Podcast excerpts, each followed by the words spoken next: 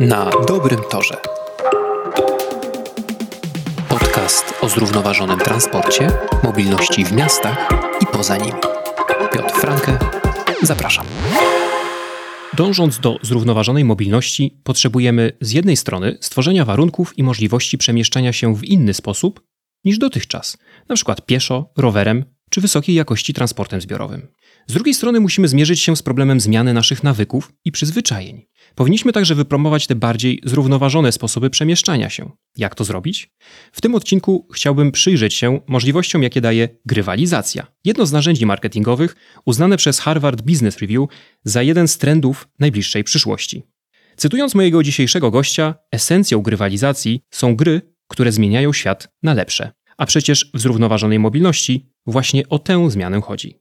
Zapraszam Was zatem do świata gier wspólnie z Pawłem Tkaczykiem, strategiem, mówcą publicznym, właścicielem agencji Midea, autorem trzech bestsellerowych książek, w tym tej pod tytułem Grywalizacja. Cześć Paweł. Cześć, bardzo dzięki za zaproszenie. Ja się również bardzo cieszę i tak na rozgrzewkę, żebyśmy wszystkich wprowadzili w temat grywalizacji, powiedz co to jest i o co chodzi w grywalizacji. Bo ja się osobiście całkiem niedawno spotkałem z tym słowem. Wiesz co, grywalizacja ma kilka definicji i ja w sumie sam, jak zacząłem pracę, to używałem innej niż używam dzisiaj. W takiej podstawowej wersji grywalizacja to jest używanie mechanizmów znanych z gier do modyfikowania zachowań ludzi poza kontekstem gry, czyli jakby w rzeczywistym świecie. Natomiast pracując z grywalizacją, nauczyłem się, że same mechanizmy to jest o wiele za mało. Kluczowym elementem jest frajda.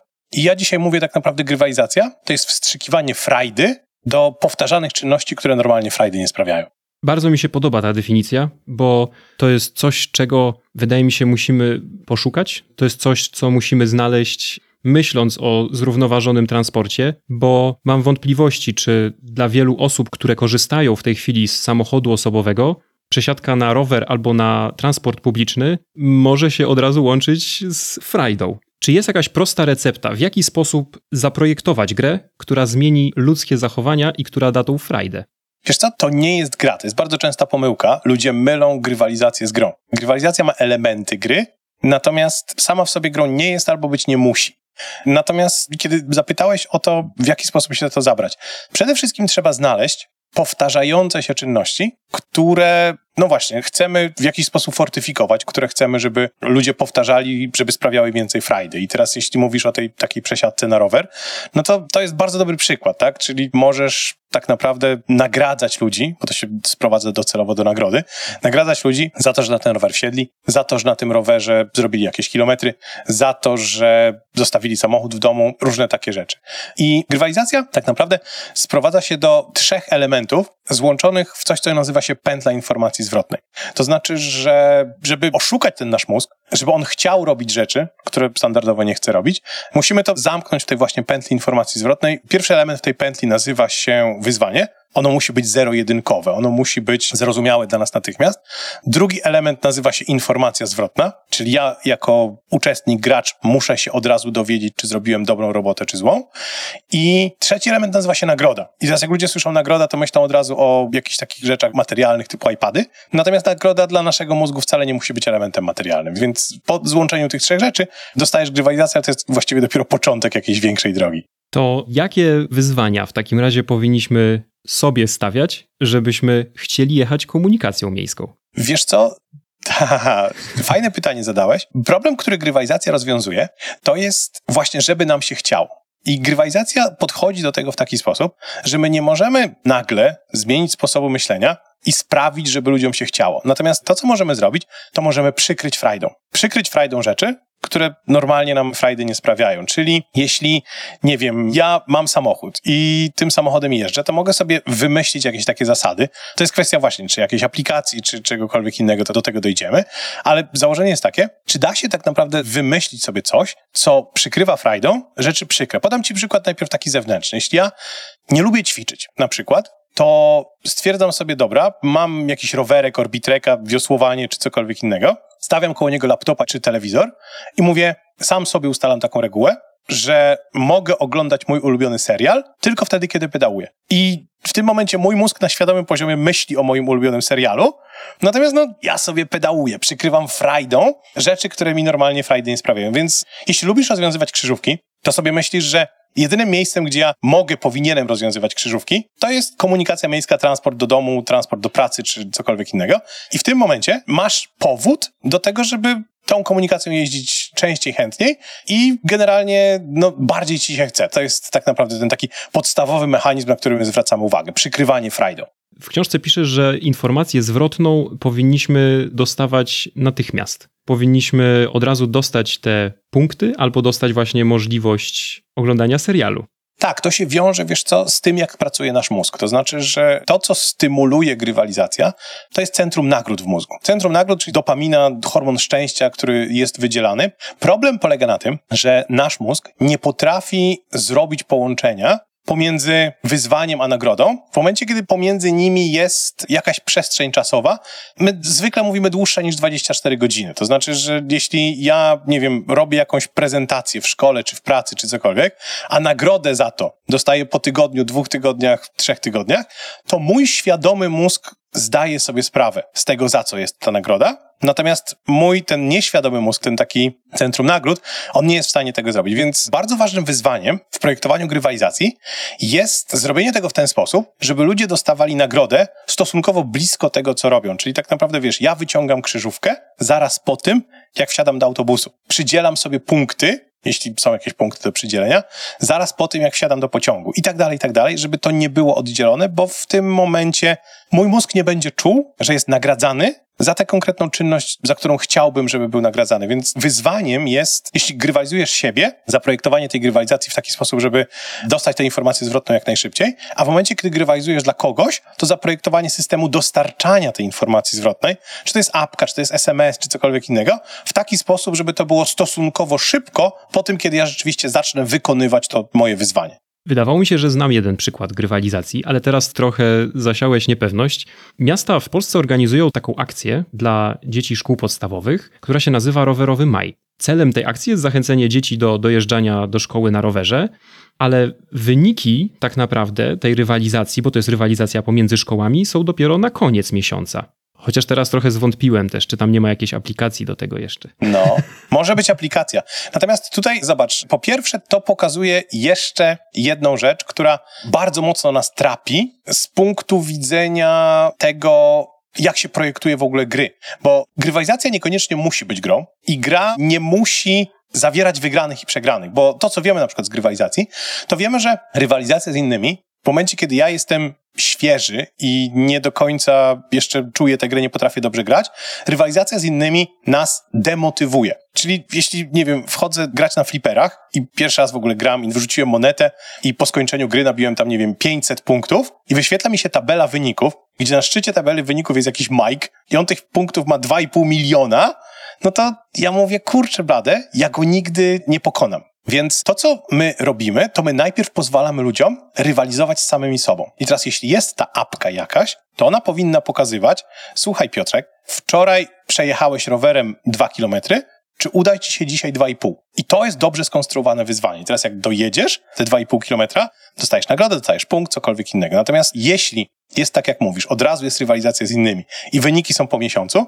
no to ja mam bardzo poważne wątpliwości na temat jakby możliwości zaangażowania za pomocą takiej akcji. Okej, okay, czyli ten cel musi być tak naprawdę osiągalny dla każdego w zasadzie. Więc problem jest teraz, jak stworzyć taką grę, żeby to było z jednej strony osiągalne dla wszystkich, ale.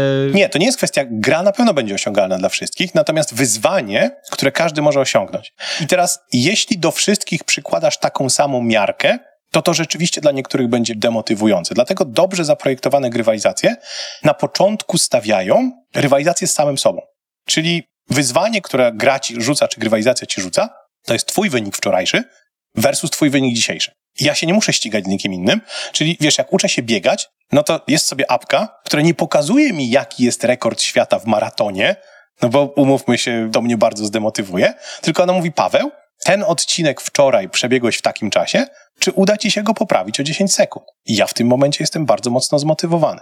Natomiast druga rzecz to jest kwestia nagradzania ludzi. I teraz w grywalizacji mamy dwa koncepty nagród. Znowu jeden troszeczkę demotywujący, taki, który znamy ze szkoły, a drugi taki motywujący. I teraz jeden nazywa się nagroda za wysiłek, a drugi nazywa się nagroda za osiągnięcie. I nagroda za osiągnięcie, to jest to, co my właściwie na samym początku ludziom dajemy, charakteryzuje się tym, że osiągają ją tylko co niektórzy. Więc jeśli ja biegnę maraton i ja pobiegnę ten maraton w najlepszym czasie, na jakim mnie stać, to pytanie za tysiąc punktów brzmi, czy ja stanę na podium?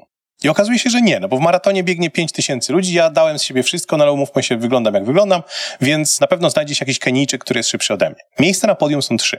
Więc gdyby nagrody za osiągnięcie były w maratonie jedynymi nagrodami, to ludzie, którzy widzą swoją pozycję 150 na 5 tysięcy, to jest całkiem niezłą pozycją, nie?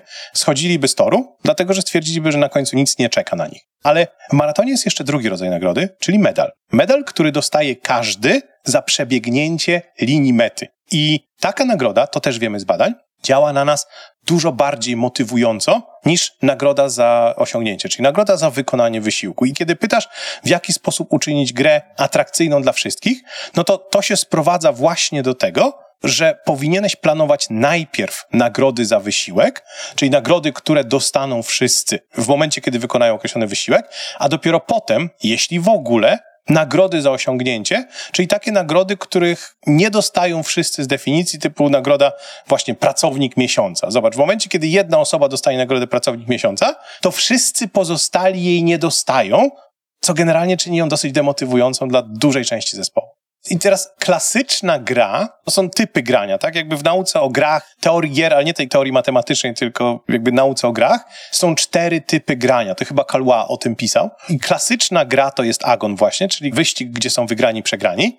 Jest gra w imitację, jest gra losowa, czyli Alea, i jest gra w przezwyciężanie siebie, przezwyciężanie swoich własnych słabości.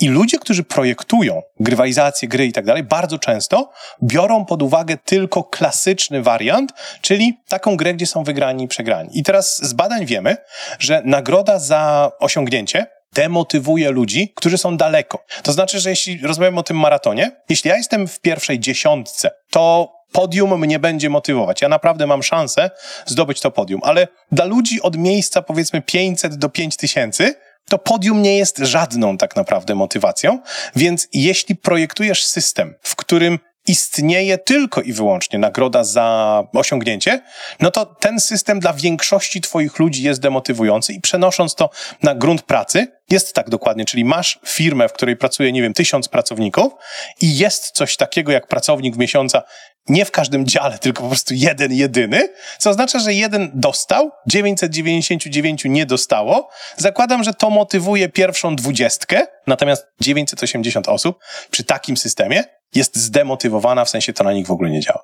No dobra, ale jeżeli mówimy trochę o grywalizacji, czy nawet dobrze stworzonej grywalizacji, to to, co odróżnia grywalizację, czy rozumiem gry, od systemów, w których generalnie zazwyczaj żyjemy, które raczej opierają się na karze niż na nagrodzie, to jak stworzyć grę, w którą koniecznie będziemy chcieli grać i nie będzie to dla nas jakiś przymus? Wiesz co, w nauce o grach, tej na którą się powołuje, w ogóle podstawowa reguła mówi, że gra musi być dobrowolna. To znaczy, że jeśli istnieje jakikolwiek przymus grania, to nie możemy tego nazywać grą. Jakby kanonicznie nie możemy tego nazywać grą. Dlatego powstają takie paradoksy, jak gra edukacyjna, gdzie ona sama w sobie nie sprawia żadnej frajdy, ale wiesz, przychodzi nauczyciel, mówi, macie w to grać, bo się czegoś nauczycie. I teraz jeśli ja mam w to grać, to to nie jest grą. Druga strona tego medalu polega na tym, że tak naprawdę każdą czynność można zamienić w grę. Ja w książce piszę choćby o tym, co Mark Twain napisał w książce o Tomku Sawyerze, gdzie tam jest taki rozdział, gdzie Tomek, ponieważ coś nabroił, to ciotka mu każe pomalować płot przed domem na biało. I to jest sobota albo niedziela, on wie, że koledzy po niego przyjdą i będą chcieli iść nad jezioro, natomiast on nie będzie mógł. Więc on się za to malowanie płotu bierze z takim pietyzmem. I jak koledzy rzeczywiście przychodzą do niego, i patrzą, jaką frajdę sprawia mu to malowanie płotu. On im jeszcze mówi, że w ogóle malowanie płotu to jest najważniejsza rzecz, jaką mężczyzna może zrobić w domu, dlatego że to jest pierwsza rzecz, którą obcy człowiek widzi, kiedy widzi domostwo i tak dalej. Oni mówią, Boże, to jest nie tylko fajne, ale i ważne. I oni go proszą, mówią, czy możesz nam dać pomalować płot? A Tomek mówi, nie, chyba, że mi za to zapłacicie. I kończy się tym, że tak naprawdę, wiesz, oni malują ten płot za Tomka i płacą mu jeszcze za tę przyjemność. Ten przykład ilustruje, że rzeczywiście to wstrzykiwanie frajdy przez to, co Tomek zrobił, czyli przez opowieść, jest tym, co daje nam tę dobrowolność. I teraz zadałeś pytanie, w jaki sposób stworzyć tę grę. Właśnie szukając sposobów, na to, żeby ludzie chcieli z własnej woli. Tych sposobów tak naprawdę jest kilka. Pierwszy już troszkę macnęliśmy, dlatego że można tworzyć gry i frajdę za pomocą tylko i wyłącznie fabuły. Czyli gra, znowu definicja, muszę się powoływać na tę definicję gry. Gra przez wielu jest traktowana jak takie eskapistyczne doświadczenie. Eskapistyczne, czyli takie, które nie ma wiele wspólnego z rzeczywistością, jest ucieczką od rzeczywistości, którą znamy. I my w takie gry generalnie chętnie gramy. Gry, które są oddzielone od realnego świata. I w grze, w projektowaniu gier istnieje taki koncept, który nazywa się magiczny krąg. I ten magiczny krąg to jest świat gry, w którym obowiązują zupełnie inne reguły i zupełnie inna historia niż w normalnym świecie poza grą. I te magiczne kręgi mogą być trojakiego rodzaju. Pierwszy jest najprostszy, w sensie on jest fizyczny, tak? To jest fizyczna linia, która oddziela świat gry od świata zwykłego. Tego doświadczasz, kiedy na przykład wchodzisz na boisko. Masz na ziemi, w rzeczywistym świecie, narysowaną prawdziwą linię, po przekroczeniu której zaczynają obowiązywać zupełnie inne reguły. Nie? Stajesz się kimś innym i zaczynają obowiązywać zupełnie inne reguły. Drugi rodzaj magicznego kręgu to jest y, krąg reprezentatywny, mówiąc najprościej plansza. To znaczy, że jeśli ja gram z rodziną w Monopoli, to my znowu wcielamy się w rolę. E, Monopoli niszczy rodziny. E, jak grasz i, wiesz, jesteś bankierem i nie chcesz żonie czy mężowi pożyczyć i tak dalej, i tak dalej, i oni mają do ciebie żal. Jak grasz w karty, no to planszą jest stół do kart. Jak grasz w szachy, no to planszę masz szachownictwo, tam jest metafora bitwy, tam są królowie, królowe i tak dalej, i tak dalej. I trzeci rodzaj magicznego kręgu to jest magiczny krąg taki całkowicie mentalny. Znaczy, że ja sobie wymyślam pewne reguły i to też nam daje dodatkową motywację, bo jeśli wyobrazisz sobie dwóch chłopaków, którzy kopią piłkę gdzieś tam za domem i jeden do drugiego mówi ja jestem Ronaldo, ty jesteś Messi, to oni wchodzą w wyimaginowany świat tylko i wyłącznie po to, żeby dodać sobie motywacji. Więc tak naprawdę ta story wokół gry jest bardzo ważnym elementem, który generuje motywację i to, co ja sobie wymyślę, a propos właśnie tego, co chcę robić, bo rozmawiamy o tym zrównoważonym transporcie, tak? Więc to wcale nie musi być o zrównoważonym transporcie. Ja sobie mogę wymyślić jakiegoś bossa w tej grze, zmyślamy właściwie na żywca, więc ja sobie myślę, że to jest jakiś król smog, którego ja każdym kilometrem przejechanym, powiedzmy, komunikacją miejską czy rowerem, osłabiam o jednego żołnierza, a on tych żołnierzy ma mnóstwo i tak dalej, i tak dalej. Nie? I teraz to jest coś, co w jakiś sposób generuje ci motywację. Natomiast drugi sposób do generowania motywacji to są reguły. Czyli reguły takie, gdzie właśnie tutaj już na czysto stosujemy mechanikę znaną z gier, czyli na przykład taki mechanizm, który nazywa się kolekcje. Kolekcja, gdybym miał ci to tłumaczyć znowu, w jaki sposób to buduje motywację, Wyobraź sobie, że kupujesz gumę do rzucia z naklejką. Kiedyś ludzie kolekcjonowali, nie wiem czy dalej tak jest, ale kiedyś ludzie kolekcjonowali gumę do rzucia z naklejką. Albo jajko z niespodzianką. Albo jajko, o, też bardzo dobry przykład. I świeżaki to trzeci przykład, który jest w tej chwili. I one wszystkie korzystają z tego samego mechanizmu. To znaczy, że w momencie, kiedy ja kupuję sobie moją pierwszą gumę z naklejką, to mój stan to jest euforia. Boże, kochany, jak cudownie mam gumę z naklejką. A człowiekowi, który sprzedaje te gumy, zależy bardzo na tym, żebym ja kupował ich więcej. Więc co on robi? On mi daje album gdzie są puste miejsca na te naklejki. I mój stan właśnie przeskoczył z euforii o rany mam jedną naklejkę do rozpaczy brakuje mi 99. I kolekcja to jest taki mechanizm, który pokazuje ci jednocześnie, ile masz, bo to jest to, co cię interesuje, ale to, co mnie jako manipulatora, że tak powiem, interesuje, to jest mam ci pokazać, ile ci brakuje. I do tego służą albumy, do tego służą paski postępu, do tego służą kolekcjonowanie pieczątek i tak dalej. I teraz zobacz, świeżaki to jest kolekcja. Jajka niespodzianki to jest kolekcja, w sensie takim, że oczywiście możesz mieć losową zabawkę. Ja jeszcze pamiętam czasy, kiedy jajka niespodzianki były tylko i wyłącznie losowymi zabawkami. Ale oni się bardzo szybko zorientowali, że w momencie, kiedy odpalisz jakąś kolekcję szczęśliwych hipopotamków, to ludzie będą kupowali więcej jajek, dlatego że będą czuli, że potrzebują zgromadzić wszystkie szczęśliwe hipopotamki. Nie? Więc tutaj znowu, wracając do projektowania naszego, jeśli ja chciałbym zaprojektować jakąś właśnie porządną grywalizację, no to zastanowiłbym się z jednej strony nad fabułą, a z drugiej strony właśnie nad mechanizmami, typu jakie kolekcje mogę tam wsadzić do tego systemu. No jak powiedziałeś o kolekcjach, to ja sobie przypominam siebie z dzieciństwa, jak kolekcjonowałem bilety. Ja miałem kolekcję biletów różnego rodzaju. I to jest mega, nie? Tylko teraz jak zaszczepić to u innych osób, żeby inni chcieli kolekcjonować bilety autobusowe jeszcze? A jeszcze są bilety autobusowe, bo ja tak naprawdę już płacę tym takim, wiesz, w telefonie i nigdy biletu nie widziałem, także... To jest dodatkowy problem. No właśnie. Nie, ale i teraz zobacz, gdybym był organizatorem komunikacji miejskiej, to bym najnormalniej w świecie ludziom, którzy mi płacą za ten, rozdawał naklejki, czy no cokolwiek tam do kolekcji, tak? Mało tego, wyobraź sobie, bo teraz już możemy sobie puścić jakieś tam wodze fantazji, wyobraź sobie, że ja wchodząc do autobusu z przodu, mam kolekcję naklejek, ja mogę sobie wybrać te, której mi brakuje.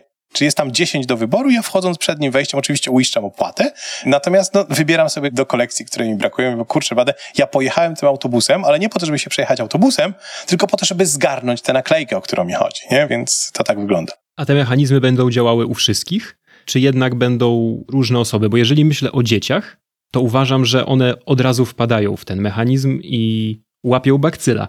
Ale jak pomyślę o mojej babci, to myślę, że ona by nie chciała zbierać naklejek, punktów, gwiazdek i sprawdzać paska postępu. Wiesz co, to wszystko zależy od tego, jak to fabularnie ułożysz, dlatego że mechanizmy są mocno uniwersalne. My pracujemy naprawdę z różnymi firmami i wdrażamy na przykład, nie wiem, grywalizację w sieci sklepów, gdzie pracowników średnia wieku to jest 45+. Plus. Działa cudownie. To jest tak, że my mamy jakieś przeświadczenie na temat tego, natomiast dwie statystyki, które cię być może zaskoczą.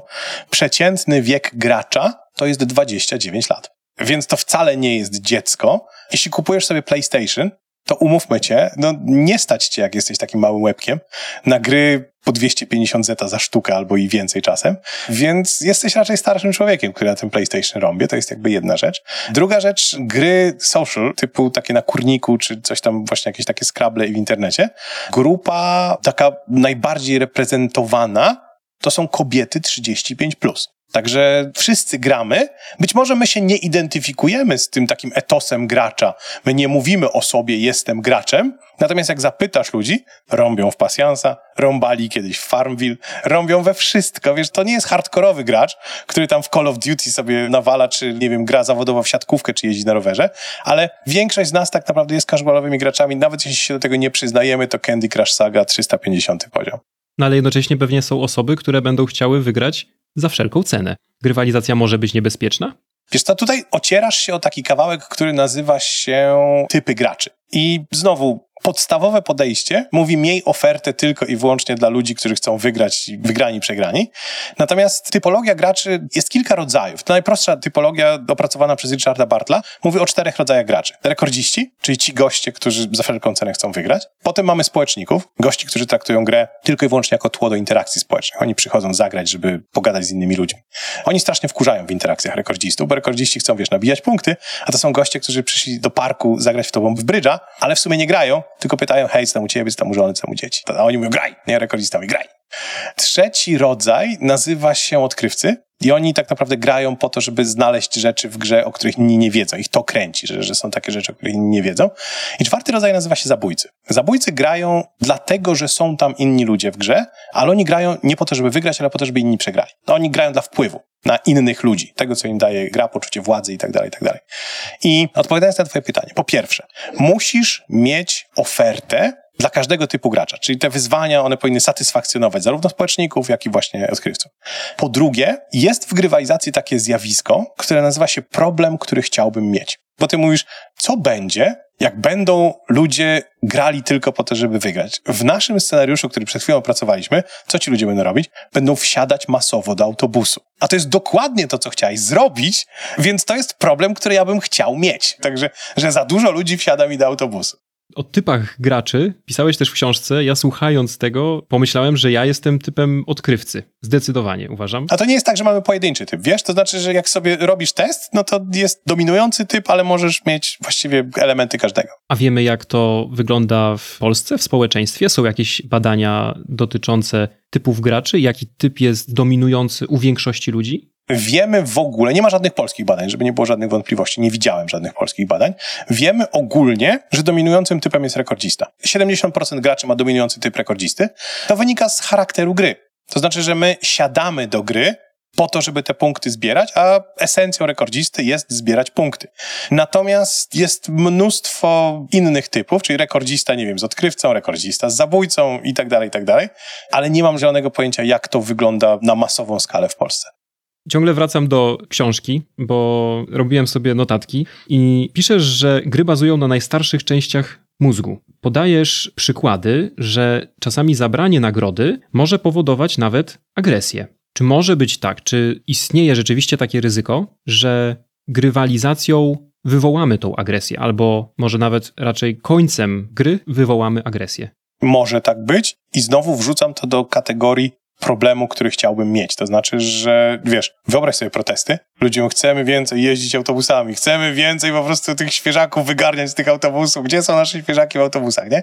Więc tak masz rację. Jest takie coś, natomiast jeśli trafisz na taką agresję, na takie protesty, to znaczy tylko jedną rzecz. Znaczy, że wykonałeś świetnie swoją robotę, bo ludzie zaczynają protestować w kwestii, która bardzo często wcześniej ich w ogóle nie obchodziła. Nie, no bo my grywalizujemy rzeczy, które z założenia są nudne i tak dalej. I teraz jeśli ja uczyniłem rzecz mniej nudną, na tyle mało nudną, żeby ludzie chcieli protestować w tej kwestii, to ja się poklepuję po ramieniu i mówię, świetna robota, Paweł. Pokazujesz przykład protestów studentów, którzy wyszli na ulicę w sytuacji odebrania im czy obniżenia zniżek. Więc myślę, że jeżeli wprowadzamy elementy grywalizacji, czy te mechanizmy byśmy stosowali w ogóle w systemie prawnym, na tym poziomie takim państwowym na przykład, to zaczyna się to robić trochę niebezpieczna gra. Tylko wtedy, kiedy zmieniasz reguły w trakcie gry. Także to dlatego jest niebezpieczne, tak? To znaczy, że ja, wiesz, wyobraź sobie, że jestem w połowie kolekcjonowania mojej kolekcji, nie wiem, świeżaków, czy co ja sobie z tego autobusu wygarniam, a takie przedsiębiorstwo komunikacyjne mówi koniec świeżaków. Ja mówię, kurczę, blady, zainwestowałem w to czas, pieniądze, nerwy, dlatego to jest niebezpieczne. To, to nie jest tak, że to jest niebezpieczne, że doprowadzić do zamieszek i, wiesz, ludzie będą wybijać szyby masowo. Umówmy się, to by była naprawdę świetna robota, ale rzadko kiedy komuś coś takiego się udaje. Natomiast zupełnie poważnie, ja bym się cieszył, gdyby pojawiło się takie zaangażowanie, bo dla mnie to jest wskaźnik zaangażowania. Negatywny, bo negatywny, ale nadal wskaźnik zaangażowania, więc ja bym się cieszył i zastanawiałbym się, w jaki sposób to można tunelować, żeby to zaangażowanie, które widzę, że jest, jednak no, przekierować nie na wybijanie szyb, tylko na robienie czegoś dobrego. Oglądałem też jedno z Twoich wystąpień na TEDxie. To już było chyba parę lat ładnych temu. Oj, dawno. Przedstawiłeś tam propozycję zmiany podejścia w ogóle do kodeksu drogowego i tego, co zrobić, żeby ludzie chcieli jeździć przepisowo. Możesz opowiedzieć, jaki to jest pomysł? Wiesz co, no, opowiadałem o wariacji na temat czegoś, co zostało po pierwsze wdrożone w Szwecji, w Sztokholmie jako eksperyment pewien grywalizacyjny. Po drugie, wariacji na temat pewnych badań, które wiemy, dlatego że znamy badania, które mówią, że pozytywna motywacja działa lepiej niż negatywna motywacja. Negatywna jest prostsza do wprowadzenia, natomiast pozytywna po prostu działa lepiej. Zacznijmy od tego projektu w Szwecji. Projekt w Szwecji mówił coś takiego.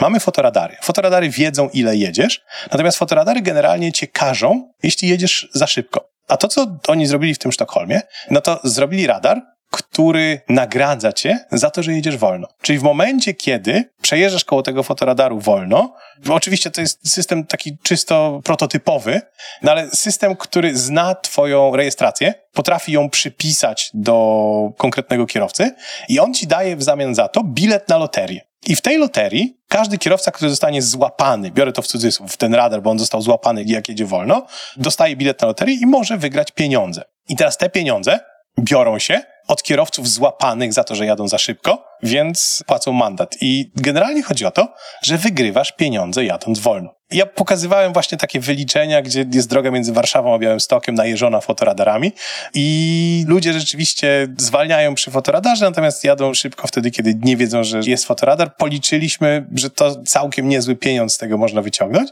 I znowu pojawia się problem, bo jedna z rzeczy, które słyszałem, jak opowiadałem o tym, to jest Paweł, a co będzie, jak mnóstwo ludzi będzie jeździć wolno? Ja mówię, właśnie zadałeś mi pytanie o problem, który chciałbym mieć, tak? To znaczy, że powiedziałeś, co będzie, jeśli dużo ludzi będzie jeździć wolno? Czy nam starczy na to? Jeśli oni z własnej woli jeżdżą wolno, to jest dokładnie to, co ja chciałem osiągnąć. Ja sobie jakoś wykombinuję, żeby ten system, wiesz. I to dotyczy mnóstwa rzeczy, nie tylko jakby jeżdżenia szybko, no bo to dotyczy grywalizacji zdrowia. System na przykład zdrowotny też bardzo dużo by zyskał, gdybyśmy nagradzali ludzi za prewencję, a nie karali za naruszenia i tak dalej, i tak dalej. Więc tutaj jest dużo takich rzeczy, które zupełnie spokojnie można grywalizować. Problem polega na tym, że tak jak wspomniałem wcześniej, karanie jest o wiele prostsze na poziomie systemowym niż nagradzanie, więc raczej to nadal pozostanie na etapie prototypu, przynajmniej na takim poziomie państwa, które na razie się tym nie będzie zajmować. No właśnie, a gdybyśmy się zastanowili i poszli krok dalej, bo o tym też wspomniałeś w tym wystąpieniu, i wprowadzili coś takiego do porządku prawnego w Polsce, zlikwidowalibyśmy kompletnie mandatownik. No nie, nie moglibyśmy zlikwidować kompletnie mandatownika, w sensie takim, że wiesz, no żeby była symetria, to wiesz, pamiętaj o tym, że szybka jazda daje ci nagrodę samą w sobie. I teraz jeśli nie offsetujesz tego karą pieniężną, to wszyscy będą jeździć szybko, bo chcą dojechać szybciej, mają szybkie samochody i po prostu sprawia im to frajdę i tak dalej, i tak dalej, więc szybka jazda musi być offsetowana jakąś karą, więc nie możesz likwidować mandatownika całkowicie. Natomiast możesz dawać nagrody ludziom, którzy jeżdżą wolno, bo w tej chwili ta grywalizacja w kodeksie drogowym wygląda tak, że za jeżdżenie szybko gromadzisz punkty i dostajesz tak naprawdę przesiadkę w nagrodę, jak zgromadzisz tych punktów 20 parę, nie pamiętam ile. Bo tam wydaje mi się, że jakoś tak powiedziałeś, że to właśnie zupełna zmiana taka, że ulga od podatku jak gdyby. Aha, o to chodziło, tak. I generalnie właśnie mówiłem o tym, że w momencie, kiedy jeździsz wolno, no to będzie się pojawiała ulga od jakiegoś podatku i tak dalej. I teraz to zostało już urzeczywistnione. To znaczy, że może nie na etapie państwowości i legislacji, tylko są firmy ubezpieczeniowe, które montują ci w samochodzie specjalny chip, który monitoruje, jak jeździsz, i im lepiej jeździsz, w sensie wolniej nie przekraczasz przepisów, tym większą zniżkę na ubezpieczenie dostajesz. Co jest całkowicie sensowne, racjonalne i kurczę, prawda działa. A w skali państwa i tego mandatownika? Żeby coś takiego wprowadzić, żeby odwrócić? Płacisz duży podatek, jak jeździsz nieprzepisowo, albo tracisz zniżkę na podatek? Wiesz co, problemem jest monitorowanie, dlatego że żeby grywalizacja działała, reguła musi być jak grawitacja, wiesz, obowiązuje zawsze każdego wszędzie i tak dalej, i tak dalej. I teraz, o ile są takie reguły dotyczące, nie wiem, wynagradzania czy karania, w momencie, kiedy, zobacz, ja płacę wyższy podatek za samochód spalinowy, za samochód z dużym silnikiem i tak dalej, i tak dalej. To jest reguła, która obowiązuje wszystkich i każdego. Natomiast w momencie, kiedy chciałbyś nagradzać i karać ludzi systemowo za to, w jaki sposób jeżdżą, to musiałbyś ich monitorować systemowo. I to na dzień dzisiejszy jest nie do przeprowadzenia, więc uważam, że tutaj państwo raczej nie. Okej. Okay. No dobra, to jeszcze masz jakieś pomysły, w jaki sposób zachęcić, korzystając z grywalizacji, do częstszego korzystania z roweru i transportu publicznego na przykład? Jest na przykład cały obszar społecznych aktywności, czyli tych, które angażują społeczników, bo to nie jest kwestia tego, że musisz zawsze coś wygrać. Są na przykład miejsca, w które mogę dotrzeć tylko na rowerze, nie? I nie wiem, no można by tak naprawdę dla odkrywców robić nagrody takie, które można odebrać tylko w miejscu, do którego można dotrzeć tylko na rowerze, ale całe te właśnie społeczne aktywności dla społeczników, czyli organizowanie ludziom różnego rodzaju meetupów, masa krytyczna, to jest coś takiego, co no, buduje w jakiś sposób tożsamość, tylko że masa krytyczna bardzo często była wymierzona przeciwko kierowcom, a tu bardziej chodzi o to, żeby jednak budować wspólnotę i tak dalej, nauczyć ludzi pewnego nawyku korzystania z roweru.